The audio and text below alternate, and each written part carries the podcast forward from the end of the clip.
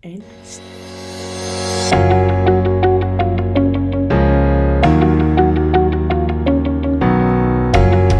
Welkom bij EHBS, de podcast.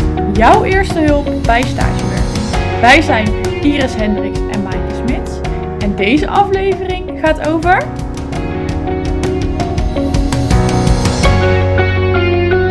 Q&A. Wat leuk dat jullie weer luisteren. Ja, welkom bij een nieuwe aflevering. En dit is een speciale aflevering, maar daarover zometeen meer. Ja, want vorige week hebben we een leuke week gehad. We gaven namelijk een workshop tijdens de stagewervingsweek. Ja, dat was ontzettend leuk om te doen. We zijn met een groep tweedejaars studenten hun talenten en uh, kwaliteiten in kaart gaan brengen. Zodat zij goed voorbereid zijn op hun stageperiode, maar vooral ook op de sollicitatieprocedure. Zodat ze die sollicitatiegesprekken goed ingaan. We hebben een hele leuke middag gehad. Maar we schrokken wel een beetje van het aantal studenten wat nog geen stageplaats heeft. Ja, dus vandaar dat we deze aflevering ingaan op jullie vragen. Om ervoor te zorgen dat jullie ja, zo snel mogelijk een stageplaats vinden.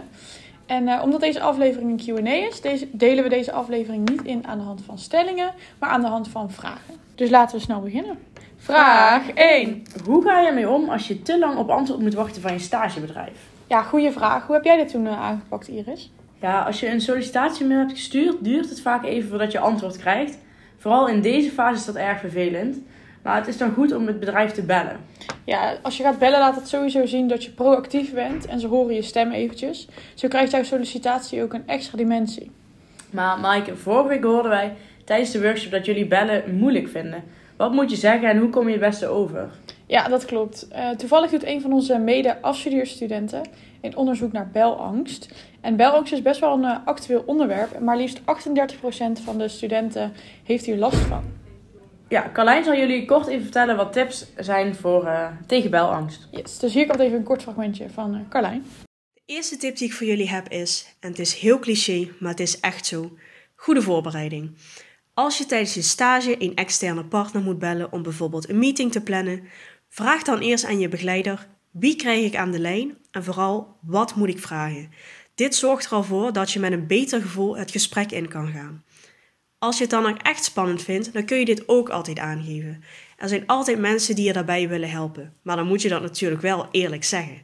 En dat is altijd een dingetje, maar als je dat eerlijk zegt, dan zul je ook zien dat je wordt geholpen en mensen daar kunnen dat alleen maar waarderen.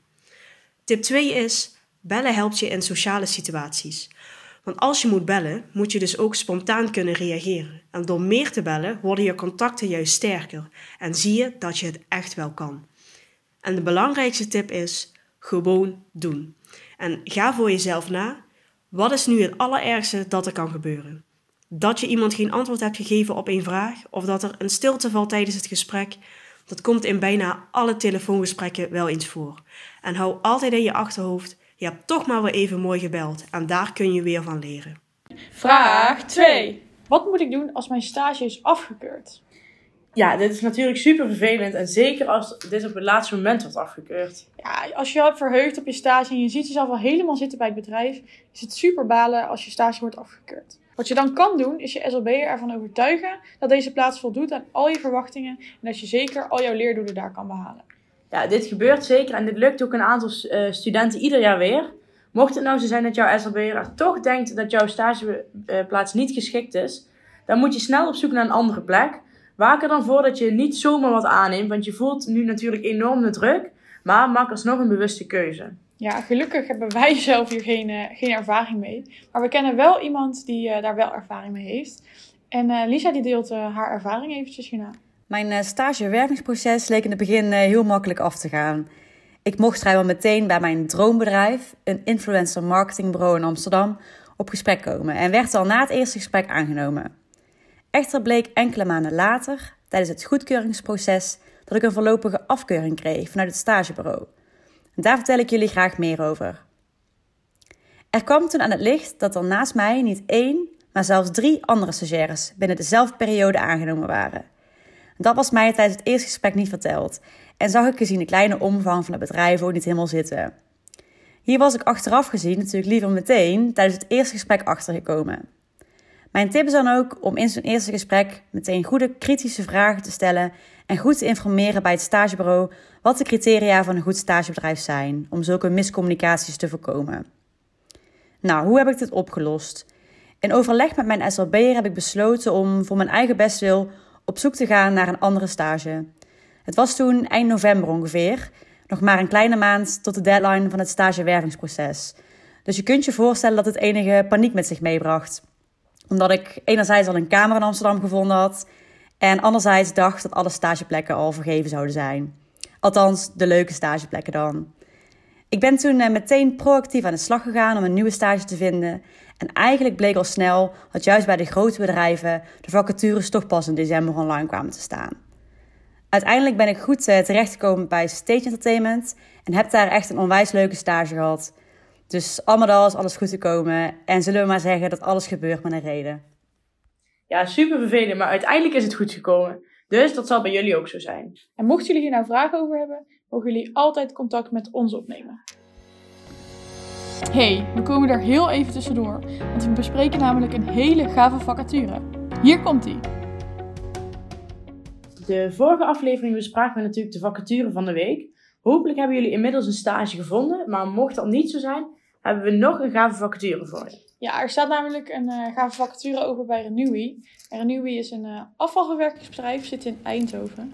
En uh, ja, afvalverwerking klinkt niet meteen heel spannend, maar het is een heel innoverend en, en mooi bedrijf.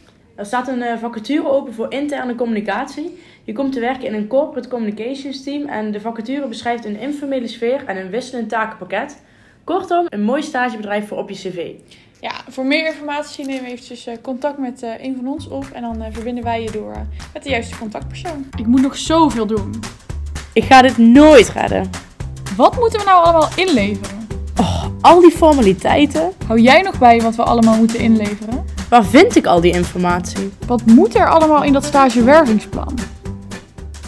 Ja, wat moet er nog geregeld worden? Je stage natuurlijk. Je hebt nog maar anderhalve week, dus de deadline komt aardig dichtbij. Ja, zoals we net al zeiden, heb je hopelijk al een stageplaats gevonden. Mocht het nou niet zo zijn, zijn wij er natuurlijk altijd om jullie te helpen. Ja, zeker. Spreek ons aan als je ons ziet in het studielandschap of uh, slide in onze DM.